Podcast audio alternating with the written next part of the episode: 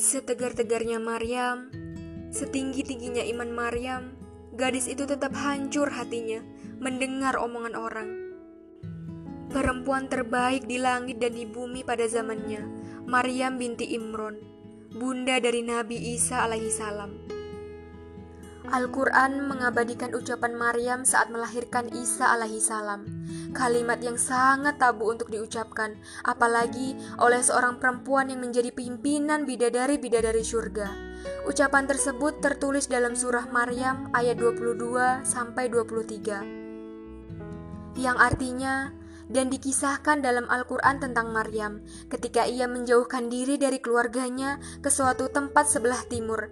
Rasa sakit melahirkan membawanya pada pohon kurma. Lalu ia berkata, "Oh, alangkah baiknya aku mati sebelum ini dan aku menjadi sesuatu yang tak berarti dan dilupakan."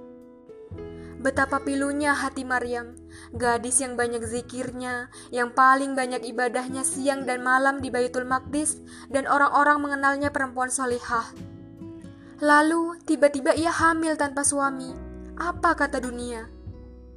Tidak ada lagi yang percaya dengan Maryam, kecuali Zakaria dan istrinya yang meyakini kebenaran cerita Maryam. Itu Maryam, perempuan paling solihah di zamannya, paling tebal imannya, jangan ditanya ibadahnya.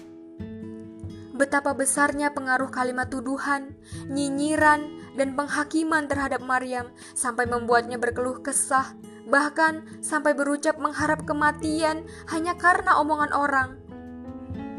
Dari situlah saya sadar, Maryam, perempuan yang imannya tak perlu diragukan itu, hanya manusia biasa Manusia diciptakan Allah dengan fitrah rasa, memiliki emosi dalam jiwa, makhluk yang memerlukan perlindungan robnya.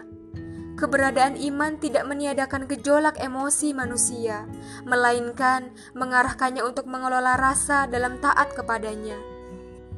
Entah mengapa, setelah membaca kisah Maryam, tak sampai hati menyimpulkan bahwa perempuan yang depresi itu lemah imannya Justru bisa jadi setiap depresi yang mereka alami adalah cara Allah menaikkan mereka ke derajat yang lebih tinggi atas jihad mereka dalam mengelola hati.